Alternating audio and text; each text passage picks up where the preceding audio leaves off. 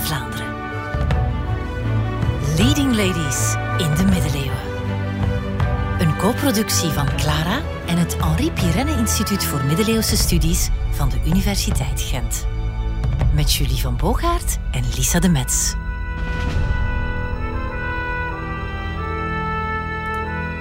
Karel de Kale, Lodewijk de Stamelaar, Eustachius de Behaarde, Lodewijk de Blinde, Karel de Waanzinnige en Robrecht Stinkvel. Ja, je zal maar zo heten. Karel de Dikke, die kunnen we ook nog aan dat lijstje toevoegen. Hij was een neef van Judith van West-Francië. Maar lach er maar niet te hard mee met Karel de Dikke, want hij heeft iets klaargespeeld wat niemand hem nog heeft nagedaan. Van dat uiteengevallen Frankische Rijk weer één groot rijk maken. Voor heel even dan toch, want zo'n groot rijk samenhouden, dat is nog een ander paar mouwen. Karel de Dikke wordt er een beetje paranoïde van. Overal ziet hij samenzweringen. Zo is er een machtige bisschop die Karel de Dikke ernstige zorgen baart. Hij vertrouwt hem niet meer. Maar behalve die politieke problemen heeft Karel de Dikke ook persoonlijke problemen, huwelijksproblemen. Hij is getrouwd met Richardis van Zwabe, een jaar voor Judith en Boudewijn trouwens. Maar na meer dan tien jaar huwelijk hebben Karel en Richardis nog altijd geen kinderen. Een vrouw die hem geen troonopvolger schenkt en een bisschop die hem een mes in de rug wil planten. Karel de Dikke heeft het niet gemakkelijk. Maar hij bedenkt een snood plan om twee vliegen in één klap te slaan. Hij beschuldigt zijn vrouw ervan dat ze een affaire heeft met die machtsgeile bisschop. Maar Richardis laat zich niet doen. Ze slaat terug met een al even snood plan. Haar huwelijk met Karel de Dikke, dat is nooit geconsumeerd, zegt ze. En voor de kerk is dat een voldoende reden om het huwelijk ongeldig te verklaren.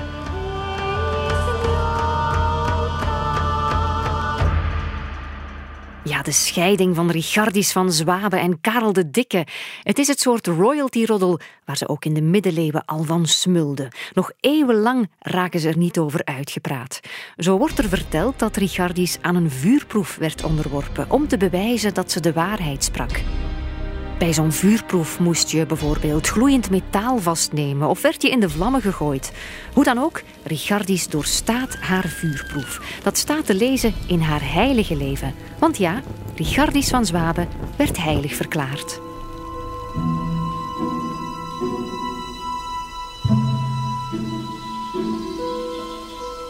Na al die commotie trekt Richardis van Zwabe zich terug in haar geboortestreek, in de Elzas.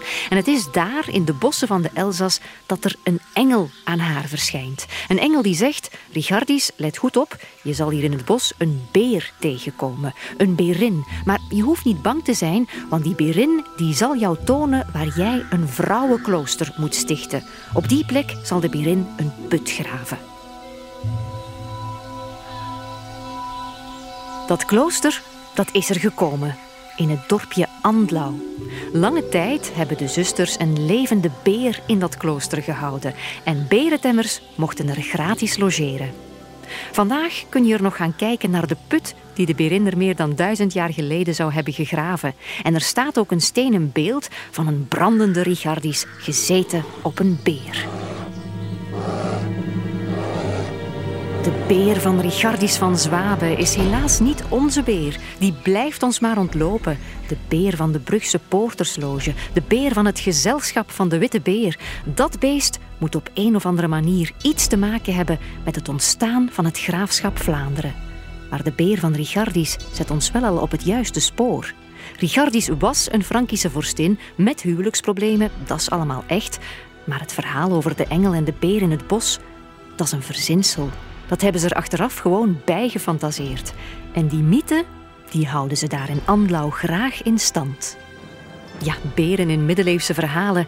We moeten ermee uitkijken. Zoveel is mij ondertussen duidelijk. Maar ik heb het gevoel dat ik toch nog een en ander te leren heb over hoe ze in de middeleeuwen verhalen vertelden en hoe ze geschiedenis schreven.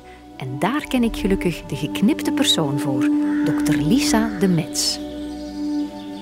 Vooraleer we bij ons verhaal van de beer terechtkomen, moeten we eigenlijk ons afvragen wat is geschiedschrijving in de middeleeuwen? Wat is de rol van geschiedschrijving in de middeleeuwse samenlevingen? Al die annalen die we gehoord hebben in het verhaal, wat voor belang heeft dat in de latere middeleeuwse samenleving? En dan moeten we eigenlijk naar uh, het belang van oorsprongsmythen. Op een bepaald moment um, is het verhaal van Judith niet langer belangrijk omwille van Judith zelf, wat is er echt gebeurd, hè? maar omdat zij ja, de eerste vorstin van Vlaanderen was, omdat zij de oorsprong van het graafschap Vlaanderen vertelt. De mens is bijna een inherent historisch wezen. We zijn op zoek naar ons verleden. Hoe zijn wij nu precies gekomen waar we zijn? Waar komen we vandaan? En we hebben een drang om terug te keren. Terug te keren naar steeds vroeger, alsof dat het iets zegt over wie wij zijn, waar wij vandaan komen, waar staan wij nu. Dat heeft de middeleeuwse mens ook. En de middeleeuwse uh, schrijvers die gaan ook heel vaak terug in de tijd uh, op zoek naar dat oorsprongsverhaal, dat oudste verhaal dat betekenis geeft aan hun verleden en dat een antwoord moet geven op wie wij zijn op dat moment in de samenleving, wie zij zijn op dat moment in de samenleving. Bij de Aboriginals in Australië, op de steppen van Mongolië, tot in het graafschap Vlaanderen, overal ter wereld vragen mensen zich af: wie zijn wij? Waar komen wij vandaan? En daar worden dan de meest wonderlijke verhalen over verteld. Allemaal verschillend, maar toch lijken ze ook allemaal een beetje op elkaar. En daar is vaak van belang, ja, hoe ouder hoe beter. Hoe ouder je uh, graafschap kan situeren in de tijd, hoe prestigieuzer je bent. Vaak uh, gaan die oorsprongsmythen terug tot Troje bijvoorbeeld. Hè. Um, maar soms ook tot de Ark van Noah. Veel verder kan je niet teruggaan natuurlijk in het christendom. Dus men probeert eigenlijk steeds verder terug te gaan in de tijd. Een tweede aspect is eigenlijk dat zo'n oorsprongsmythe, ja, dat moet een beetje duidelijk zijn dat uw regio autonoom is. Dus het moet eigenlijk aantonen dat jouw regio een regio op zichzelf is, dat dat graafschap eigenlijk al een autonome regio was in het verleden. Hè. Dus die autonomie van die regio is heel belangrijk in oorsprongsmythe. Een derde aspect, en dat is belangrijk voor uh, het verhaal van Judith en Boudewijn, is dat die oorsprongsmythe eigenlijk teruggaat op een gemeenschappelijke voorouder of een stichter. Um, dus een goede oorsprongsmythe heeft ook een, een, stichter, een belangrijke stichter. En dat sluit aan bij het vierde aspect, en dat is het feit dat het een heroïsche stichter is. Het is een heroïsche tijd. Er gebeurt van alles. Het is een gouden tijd um, waar men op teruggaat. Hè. En die stichter die uh, beleeft allerlei avonturen. Um, die uh, zorgen voor het aanzien van die regio, voor het aanzien van het graafschap Vlaanderen. Dus op dat moment in, in de middeleeuwen um, wordt het verhaal van Judith niet meer belangrijk om wie zij was of om wie zij was geweest, maar wat zij betekent voor het aanzien, de legitimatie van het graafschap Vlaanderen. Hoe zag Judith eruit? Hoe groot was ze? Welke haarkleur had ze? Wat at ze zoal? En is zij het nu die daar begraven lag op het Gentse Sint-Pietersplein? Het houdt ons enorm bezig, maar minstens even interessant om je af te vragen is hoe werd er aan Judith gestalte gegeven? Hoe werd ze doorheen de eeuwen herinnerd? Welke rol heeft ze op die manier gespeeld in de geschiedenis? In de 10e eeuw um, was er een priester in het graafschap Vlaanderen, in het gevolg van de toenmalige graaf van Vlaanderen, Arnulf I. En Arnulf I was de kleinzoon van Judith. Um, en die priester heeft een genealogie opgetekend, een genealogie gemaakt over de Vlaamse stamboom. Wat eigenlijk wel uniek is, hè, dat in de 10e eeuw er voor het graafschap al zo'n eh, genealogische lijst bestaat. Eigenlijk ehm, is dat iets voorbehouden voor koningshuizen. Ehm, tot de 11e eeuw hebben kleinere uh, geen eigen genealogie. Maar het graafschap Vlaanderen dus wel. En Judith speelt daar een belangrijke rol in. Toen die genealogie werd opgesteld in de 10e eeuw, toen bestond het graafschap Vlaanderen nog maar pas. Het was nog vrij onbeduidend, zowel qua gebied als qua aanzien. En toch hadden ze in dat kleine Vlaanderen het lef om te zeggen: Dit zijn wij. Dit is waar wij vandaan komen. Dit zijn onze voorouders en we zijn er verdorie trots op. Judith eh, speelt die cruciale rol. En dat is omdat um, ja, die schaking natuurlijk cruciaal was om dat jonge graafschap te linken aan uh, die Carolingische dynastie. Dus op die manier ging eigenlijk Arnulf zich gelijkstellen met de Franse koning. Hè, door via zijn grootmoeder eigenlijk de link te leggen met die belangrijke Carolingische vorsten. En dat zien we ook. Hè, die uh, lijst van graven uh, wordt neergeschreven, maar daar wordt ook een Carolingische genealogische lijst aan toegevoegd. En Judith is eigenlijk de vrouw die die beide lijsten met elkaar gaat verbinden. Dus die eigenlijk de lijst van die Vlaamse graven, ehm, wat echter gewoon een opsomming is, gaat verbinden met die lijst van die belangrijke Carolingische vorsten. En, en een aantal, ja, daarbij worden pijnlijke punten verzwegen. Hè. Men gaat eigenlijk enkel focussen op die bloedband, hè, de bloedband tussen de Vlaamse graven ehm, en de Carolingers via Judith dan. Dus als al Judith haar huwelijken voor dat zij trouwde met Boudewijn, met de Engelse vorsten, ja, dat wordt verzwegen. Hè. Ehm, omdat daar natuurlijk ook een beetje die uh, incestueuze connotatie bij zit. Hè. Dus daar wordt in die genealogie niet over gesproken. Ja, ik krijg de indruk dat ze in de 10e eeuw dan toch geen probleem hadden met vrouwelijke machthebbers, met uh, een vorstin zoals Judith. Voor die 10e-eeuwse vorsten um, was Judith haar, haar eh, pedigree, was het feit dat zij een Carolingische prinses was, veel belangrijker dan um, haar seksen. Dus het maakte niet uit dat zij een vrouw was. Zij was eigenlijk de link Um, en dat stond nog dicht genoeg bij hen. Hè. Uh, het begint bij haar kleinzoon. Hè. Dus misschien heeft hij haar wel nog gekend, hè. misschien niet. Hè. Dus die, die, die stonden nog dicht genoeg bij elkaar om dat belangrijk te vinden. Hè? Om die Carolingische bloed, die bloedband belangrijker te vinden. En natuurlijk ja, om die aanspraak te maken. Hè? Dat, dat graafschap is in volle ontwikkeling, wordt uitgebreid. Volgt eigenlijk een, eh, een, dat wordt steeds groter. Hè? Dus ze gaan steeds meer macht ook afsnoepen van die Franse vorsten. Hè? En ze willen zich ook legitimeren. En door zich via Judith hè, en via die aanspraak op uh, dat Carolingische bloed dan ja, gelijk te stellen met die Franse vorsten, uh, kunnen zich uh, die gebiedsuitbreiding natuurlijk legitimeren. Judith wordt dus handig uitgespeeld om de ambities van het jonge graafschap Vlaanderen waar te maken.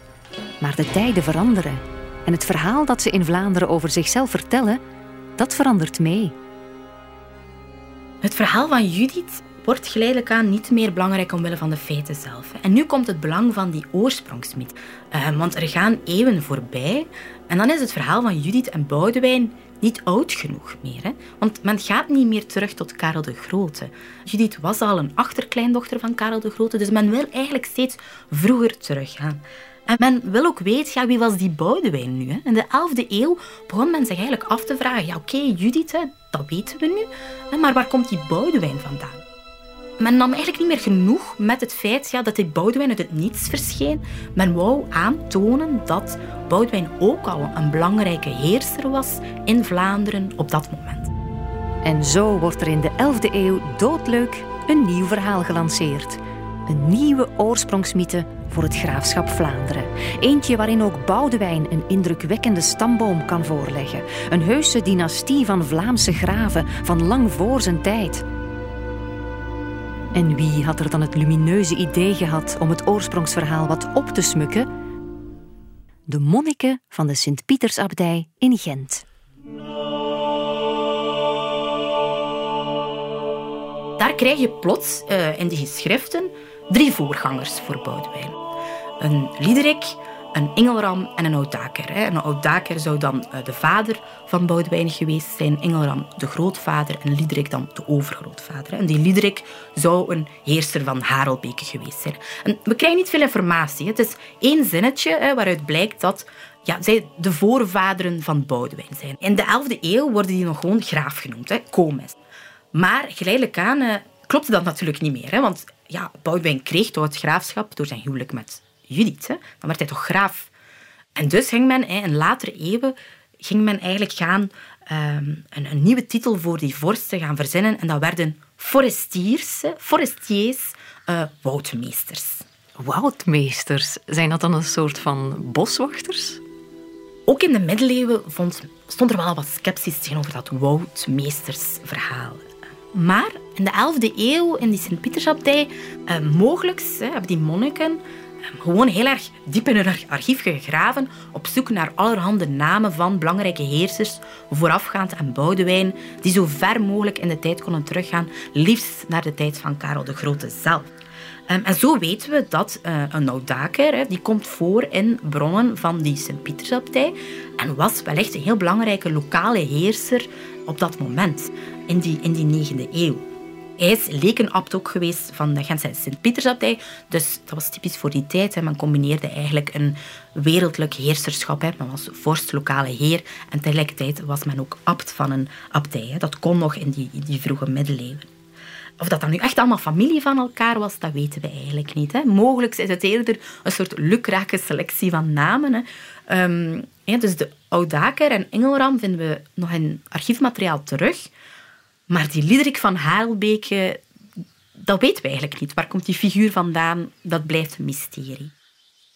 Boudewijn heeft zijn eigen stamboom gekregen. Hij heeft nu drie illustere voorgangers, drie woudmeesters. En dat verhaal is niet meer tegen te houden. Overal duikt het op. Ook in het Liber Floridus. Dat is een prachtig verlucht handschrift dat wordt bewaard in de Gentse Universiteitsbibliotheek. Maar een jaar of tien geleden heb ik het met mijn eigen ogen kunnen bewonderen op een tentoonstelling in het Stam. En ik moet zeggen, ik was echt onder de indruk.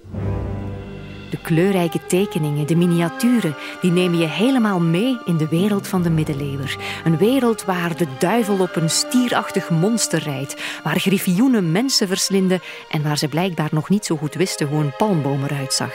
Maar toch is het niet in de eerste plaats dat bizarre en fantasievolle dat me is bijgebleven, maar wel hoezeer die middeleeuwse wereld op de onze lijkt hoeveel ze toen al wisten van die wereld. Letterlijk, want ze wisten bijvoorbeeld toen al, in de 12e eeuw, dat de wereld rond was. Rond 1120 schrijft uh, een zekere Lambert van Saint-Omer, Saint-Omer een encyclopedie, dus een middeleeuwse encyclopedie, het Liber Floridus. En die man wil eigenlijk alle kennis van dat moment, wat men allemaal van kennis had over de wereld, in zijn boek verwerken. Er zijn prachtige mooie kaarten. Hè. De typische TO-kaarten, waarbij uh, uh, ja, Europa eigenlijk, die continenten, dat wordt in een soort van T getekend. Hè. Een TO-kaart is eigenlijk um, ja, de wereldbol. Hè. Mensen denken, hè, in de middeleeuwen dacht men dat de wereld plat was. Maar je ziet eigenlijk uh, op een TO-kaart uit de 12e eeuw, tekent men echt een mooie bol, een cirkel. en dan de drie continenten die men kende... Um, Azië, Europa en Afrika worden er dan ook op afgebeeld.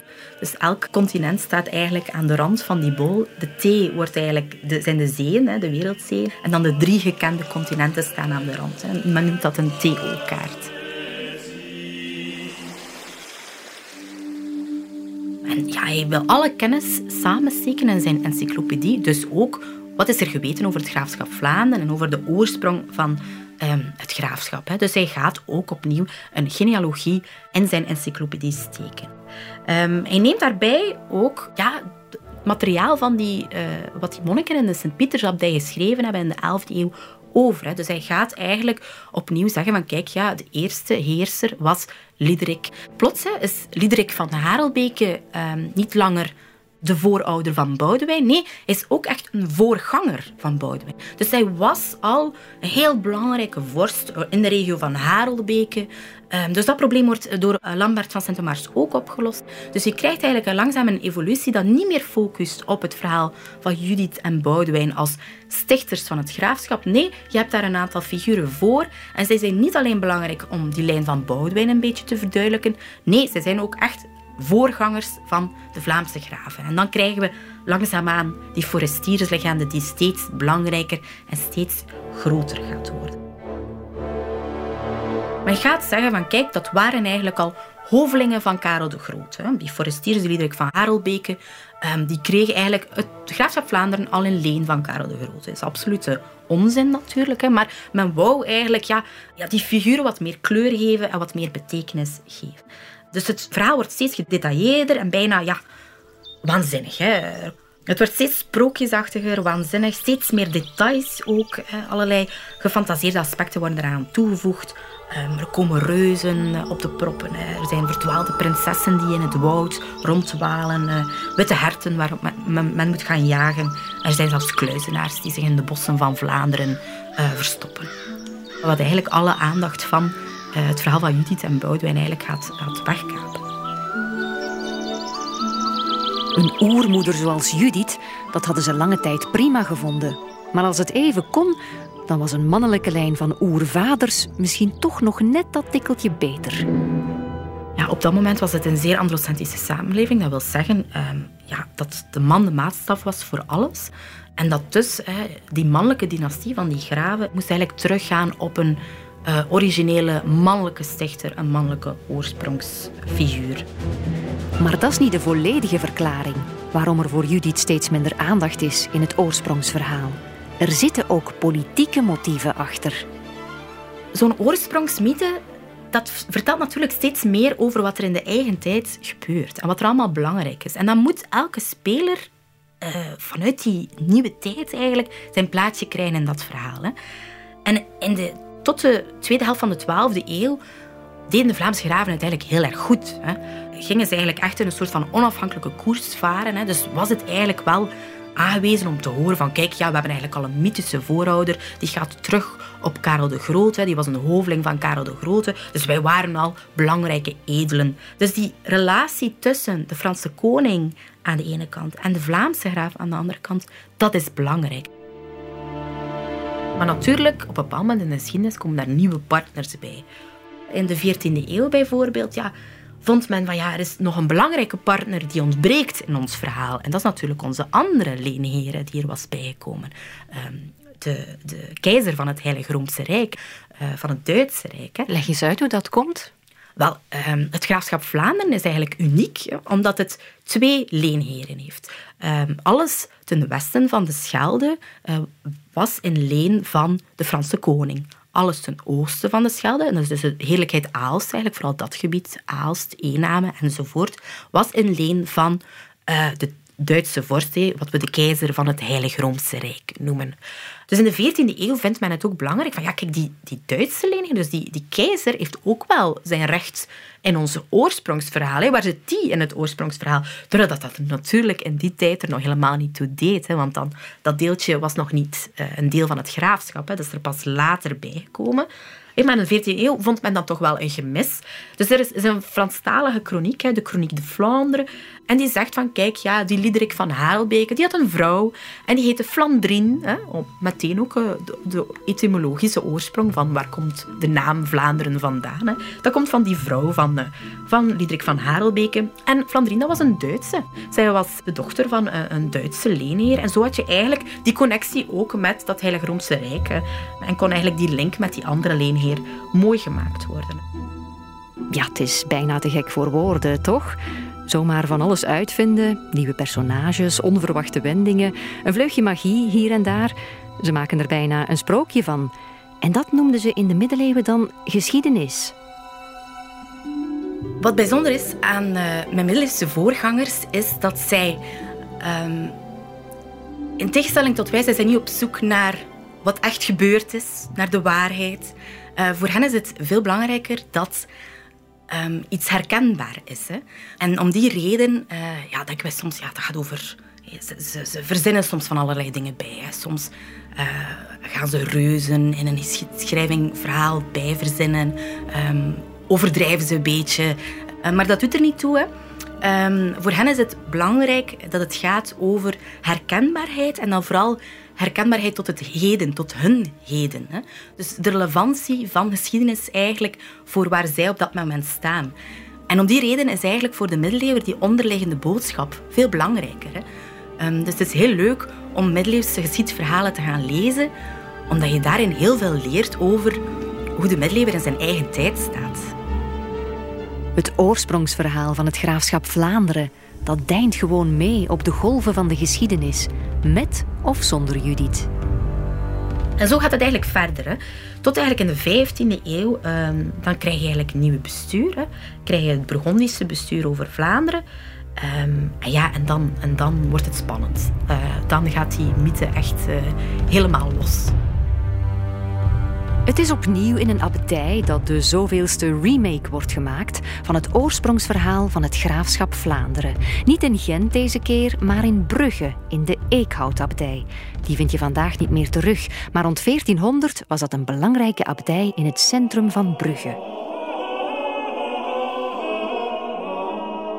En daar gaat men uh, zeggen van kijk, ja, die drie forestiers zijn nog altijd niet oud genoeg.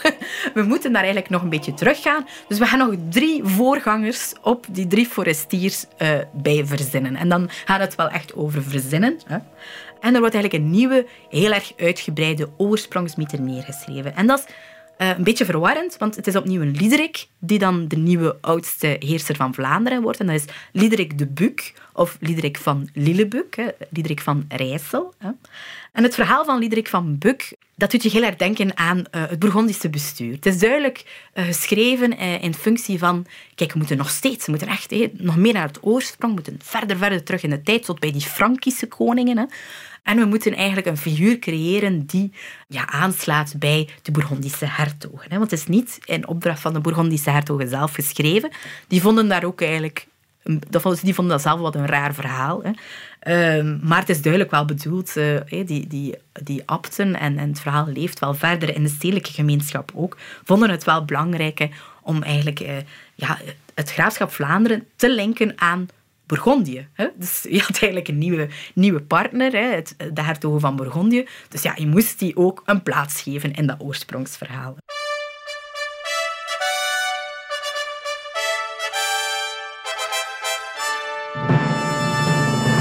Dus die oudere Liederik, eh, Liederik van Buck, um, ja, hij was de zoon, zo gezegd, van uh, Salvardus van Dijon. Hè? Dus van een Bourgondische prins. Eh, de prins van Dijon. En uh, zijn moeder was Ermengarde van Roussillon. Dus dat koppel, Salvardus en Ermengarde, die moeten vluchten uit Dijon. Omwille van een, een, een ruzie, een, een factiestrijd, een oorlog, een interne oorlog. Ja. Waar trekken ze naartoe? Naar Engeland uiteraard. Veilige haven, de partner ook van de Bourgondische hertogen in het conflict. Um, dus dat koppel, hè, Ermengarde, hoogzwanger, um, die vluchten uit Dijon weg. Uh, maar ze houden halt uh, bij de bossen van Rijssel, in de omgeving van Rijssel. De bossen van Buc wordt het genoemd, hè, van Lillebuc. En daar is een kasteel gevestigd en daar is een heerser, een tiran, die daar heerst. Uh, en dat is een reus, hè, een tyrannieke reus, Finaar. Hè. En Finaar die doodt uh, Salvardus. En uh, Ermengarde die slaat op de vlucht. Hè. Hoogzwanger uh, loopt zij door de bossen. Zij wordt dan geholpen door een kluizenaar um, die haar helpt bevallen enzovoort. Maar ze wordt alsnog gevangen genomen dan door de reus. Maar haar babytje wordt grootgebracht in die bossen van Buk. door die kluizenaren. En hij wordt een, een stoere ridder, Liedrik.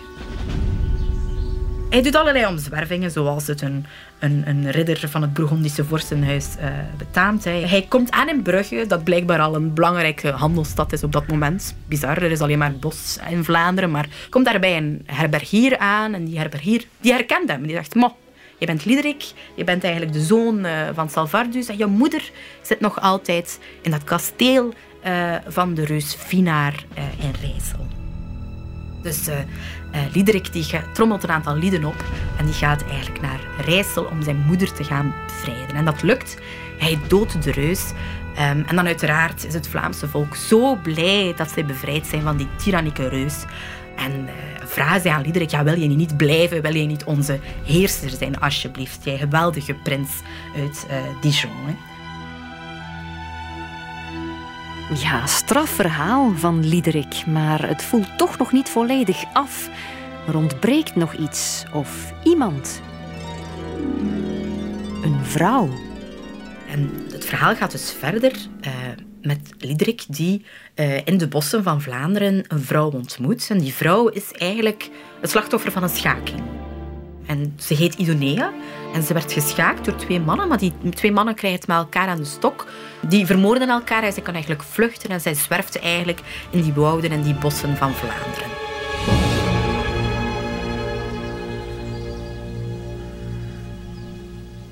Idonea kon ontvluchten met haar wagenaar en zo kwam ze op een mijl van het kasteel van Lillebuc.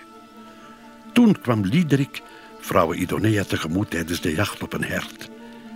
En hij dacht bij zichzelf: dat is zeker een adellijke dame. Wat gebeurt er? Uh, Liederik ja, wordt verliefd op die vrouw, op die Idonea. En Idonea ziet Liederik ook wel zitten. Uh, en ze ontmoeten elkaar, ze trouwen met elkaar en ze leven samen in het uh, kasteel van, van Rijssel. En dan denk je, het verhaal is af. Nee, want ja, weet ze, nee, Idonea doet een beetje geheimzinnig over waar zij precies vandaan komt. Wie is zij eigenlijk? Ik wil daar niet veel over vertellen, maar voor Liederik maakt het niet uit, want er staat letterlijk, ja, Liederik kan zien dat het een zeer hoofdse en een zeer mooie vrouw is, uh, met een zekere waardigheid, een mooie prinses, um, en die straalt aan het, aan het hof uh, in zijn kasteel. Hè. Op een bepaalde dag hè, gaat de Franse koning op dat moment uh, jagen in de bossen van Vlaanderen. En hij gaat jagen op een wit hert, een mythisch wezen, een wit hert. Het was op een avond in januari, voor de vasten. En het had een beetje gesneeuwd toen de koning in Soissons aankwam. S'morgens vroeg besloot hij om te gaan jagen. Maar toen hij in het woud kwam, zag hij een indrukwekkend hert. Het hert liep weg noordwaarts. De koning volgde het met zijn paard, dagenlang. En zo verloor hij zijn gevolg.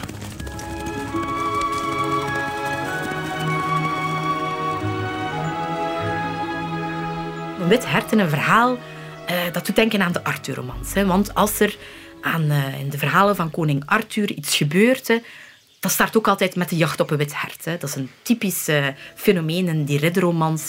Koning Arthur gaat jagen op een wit hert en een van zijn ridders komt onderweg iets tegen. Hè. Dus ook in dit verhaal, hè, de Franse koning gaat jagen op een wit hert in de bossen van Vlaanderen en komt daar Liederik tegen, die hem helpt eigenlijk tijdens die jacht op het hert. Hè.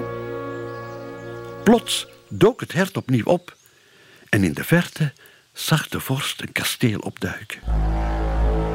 Hij blies op zijn horen in de hoop dat daar een edelman woonde en dat hij hem te hulp zou schieten. Liederik hoorde het geluid van de hoorn van de koning en snelde naar buiten. Hij zag het hert, dat al zo vermoeid was van de achtervolging dat het makkelijk met zijn honden te overmeesteren was. En Liederik spietste het dier dood. De koning kwam aangereden en zag dat Liederik het hert gedood had. Ze begroeten elkaar en de vorst legde uit dat hij een Franse ridder was en dat hij zijn gezelschap had verloren. Liederik zei toen: O Heer, koning, kom in ons kasteel enkele dagen om uit te rusten. En wij zullen blij zijn u te ontvangen. De Franse koning en Liederik, ja, die vinden het wel met elkaar. Die, uh, die komen wel goed overeen. Uh, wat gebeurt er? Liederik zegt, ja, kom, kom maar naar mijn hof, kom maar mijn, naar mijn kasteel van Lillebuk. Hè. Dan kan je mijn vrouw ontmoeten. Uh, en dan kunnen we samen een groot banket organiseren. Kunnen we eten en drinken samen. Dus de Franse koning zit aan tafel bij Liederik en ze eten samen. En dan komt Idonea ook binnen om van de maaltijd te genieten. En die Franse koning zegt, nog, ja, jij komt mij wel bekend voor. En Idonea is een beetje beschaamd en, en steekt zich een beetje weg uh, en ontwijkt een beetje. Uh, en Liederik eh, vraagt wat is er aan de hand, wat is er aan de hand. En zo komt het eigenlijk uit ja, dat Idonea eigenlijk de verloren dochter is van Lodewijk. En dat is goed, hè, want Idonea blijkt nu wel toeval een Franse prinses te zijn. En dus heeft uh, het graafschap Vlaanderen meteen ook door die link tussen Liederik en Idonea, die dan de verloren dochter van de Franse koning blijkt te zijn, die twee zijn herenigd, vallen elkaar in de armen van oh ja, je bent mijn verloren dochter, je bent mijn vader. Um, en zo krijg je eigenlijk opnieuw die link tussen Frankrijk, Bourgondië um, en het Vlaamse graaflijke huis.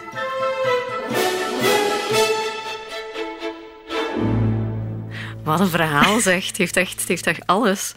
Behalve, Lisa, ja, de, de witte beer.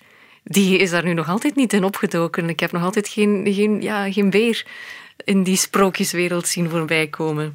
De legende van de beer wordt eigenlijk in de middeleeuwen niet opgeschreven. Maar we hebben in de 15e eeuw wel een chroniek van Vlaanderen die in Gent wordt geschreven. En, en, slechts in enkele handschriften Um, en daar zien we wel het verhaal van uh, Boudewijn, die, wanneer hij Judith wil gaan schaken, moet hij samen met Judith uh, door de bossen van Saint-Ly trekken. En daar ontmoeten ze een everzwijn, een mannetjes-everzwijn, dat ook wel een beer genoemd wordt. Hij moet uh, dat dit everzwijn verslaan, want dat komt op, op hen afgestemd. Toen Boudewijn dat zag, reed hij naar het zwijn toe met al zijn moed. Zijn paard struikelde echter en hij moest te voet tot bij het zwijn komen. Hij sloeg met zijn zwaard in beide handen zo hard dat hij het beest in twee kon klieven. Hij sloeg het beest op het hoofd, spietste het met zijn zwaard door de borst en stak het op zijn schild. Lodewijk, Judiths broer, kwam tot bij Boudewijn gereden. En ook Judith, die erg bang was, zag dit gebeuren. Ze waren zeer onder de indruk van de moed van Boudewijn en lieten het everzwijn op een draagbaar tot in Parijs voeren. Koning Karel ontving zijn zoon Lodewijk en zijn dochter Judith in Parijs. En toen hij het veel besproken woeste zwijn doodzag, vroeg hij zich af wie het zwijn had weten te verslaan. Lodewijk zei trots: Boudewijn, de ijzeren. Boudewijn die een everzwijn doodt in de bossen van Saint-Lys. Het komt dan in de buurt van hoe ze het verhaal in Brugge vertellen. Maar ja, het is nog altijd geen echte beer. En in Brugge staat er wel degelijk een beer in de gevel van de poortersloge. Geen everzwijn. En ze zijn er zo trots op, op hun Brugse beer. Overal in de stad kom je hem tegen. In citymarketing, in logo's van verenigingen en in de namen van cafés en bieren. Het verhaal van die witte beer duikt eigenlijk op in mondelingenverhalen. Maar het is een verhaal dat leeft en dat eigenlijk nog steeds heel erg leeft in Brugge. Iedereen kent het verhaal van de Brugse beer. Hè? Wanneer Boudewijn hier in het graafschap Vlaanderen zou toekomen, in de regio rond Brugge, ehm, dan zou hij op een bepaald moment samen met Judith oog in oog hebben gestaan met een woeste beer? Ehm, in het woud rond Brugge. En dat was een witte beer. En dan denk je misschien aan een ijsbeer. Uh, maar het was geen ijsbeer. Het was een, een beer die uh, bedekt was met sneeuw. En hij teisterde. Het is het verhaal van een woeste beer die, die kon treien aan het teisteren was. Um, maar Boudewijn die gaat eigenlijk uh, zich niet van de wijs laten brengen. Gaat die beer aanvallen. Hij ging het gevecht aan met die beer en dus spitste hij uiteindelijk die beer neer. Hij spitste die vast aan een boom. En zo kon Boudewijn eigenlijk de regio bevrijden van die woeste, gevaarlijke beer. Toch een beetje anders dan dat mooie beertje aan de poortersloer.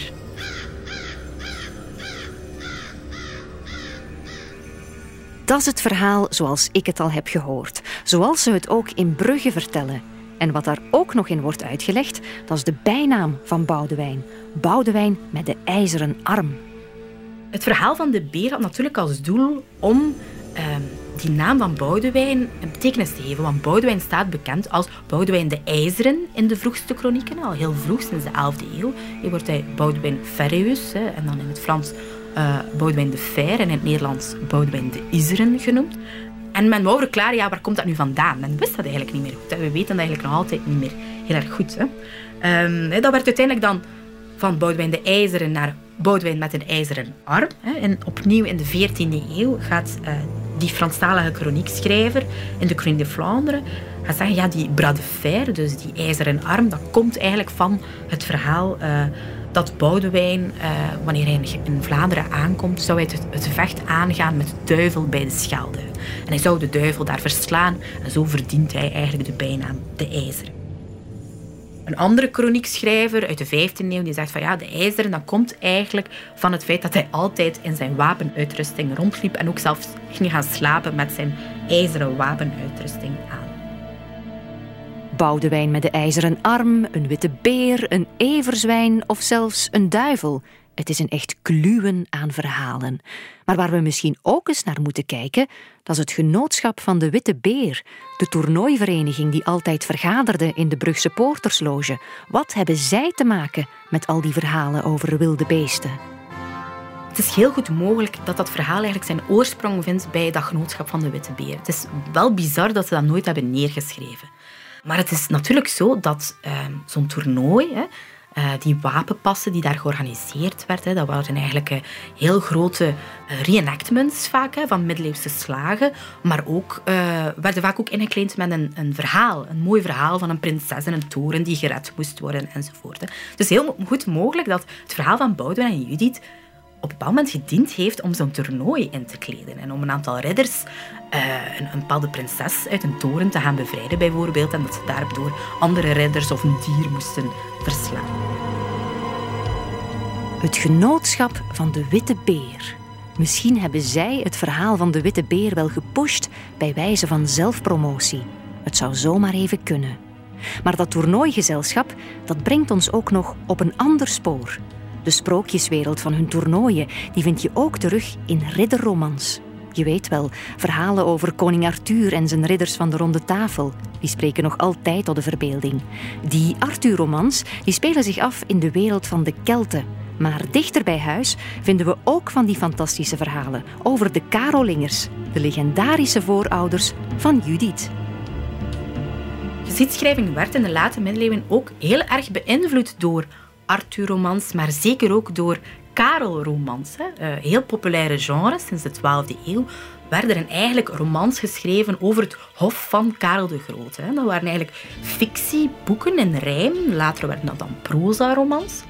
Ehm, dus men had eigenlijk doorheen de middeleeuwen ook wel een vrij bijzonder beeld gecreëerd van ja, dat hof van Karel de Grote, wat daar allemaal gebeurt. Ehm, en dat heeft natuurlijk ook invloed gehad op geschiedschrijving. Men heeft zich eigenlijk daardoor laten inspireren door die romans om die oorsprongsmythen ook op die manier te gaan herschrijven. Een heleboel van die ridderromans zijn verloren gegaan. Naar schatting zijn we de helft van de Nederlandstalige ridderromans onherroepelijk kwijt. Het zou dus best kunnen dat het verhaal van de Witte Beer uit zo'n verloren ridderroman komt. Maar Lisa is iets op het spoor. Er is een bepaalde ridderroman die ook wel heel erg lijkt op dat verhaal van die beer. En dat is de roman uh, Flandries. Flandries um, is een roman... Ja, het probleem daarmee is dat het heel fragmentarisch overgeleverd is. Dus dat wil zeggen dat we eigenlijk maar hele kleine losse fragmentjes hebben van dat verhaal. Dus dat het puzzelen is om daar een mooi verhaal van te maken. Um, ik geloof dat er een vijftal fragmenten van bewaard zijn. Maar het ook moeilijk maakt om het specifiek toe te schrijven aan een bepaalde periode, uh, een bepaalde regio. Um, onderzoekers denken nu dat het mogelijk in Vlaanderen geschreven is, uh, wellicht in de late 14e eeuw. Dus net in die periode natuurlijk dat het genootschap van de Witte Beer en dergelijke in Brugge opkwam. En dat verhaal van ridder Flandries, um, ja, daar is één specifieke passage die ook wel heel erg hard doet denken aan dat mondelinge verhaal van Boudewijn en die beren. Dus op een bepaald moment gaat ridder Flandries, die ook uh, een jonkvrouw moet gaan redden, hè, um, hij komt aan bij de poort van Isrin. Dus uh, Isrin is een heerser, een vredeheerser. Um, en daar, het is een poort. Hè, uh, en hij moet daar eigenlijk langs rijden, daar binnenrijden. Hè. Maar die poort wordt bewaakt door twee beren. Hè. Die, het zijn twee woeste beren die daar voor die poort staan. Um, en Flanders, ja, die weet niet wat hij moet doen. Hij smeekt tot God, oh, help mij alsjeblieft. Uh, ik, moet je die beren uh, verslaan. Maar toch, hij, durft het aan en hij gaat eigenlijk met zijn lans, hij heeft een lans bij, gaat eigenlijk de paard af op uh, een van die beren. En hij doorspiest die beer, die ene beer. Natuurlijk het moment dat hij dat doet, ja, blijft zijn lans wel vastzitten in die beer. Uh, en aan, ja, de andere kant is die andere beer al op hem aan het afstormen. Uh, dus hij weet niet wat hij moet doen. Hij probeert nog uh, die lans daaruit te trekken, maar dat lukt niet, dat lukt niet. Gelukkig kan hij net op tijd zijn zwaard trekken en kan hij met zijn ander zwaard die beer ook doden.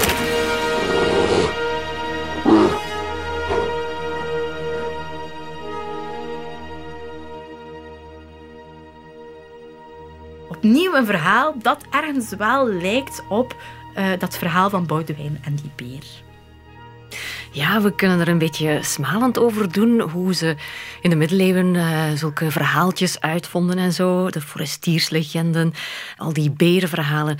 Maar ja, we zijn er vandaag toch ook maar mooi ingetuind. Hè? In Brugge wordt het verhaal van die witte beer nog altijd verteld uh, en gebruikt in de city marketing. Eigenlijk zijn wij niet veel beter of niet veel slechter dan die middeleeuwers.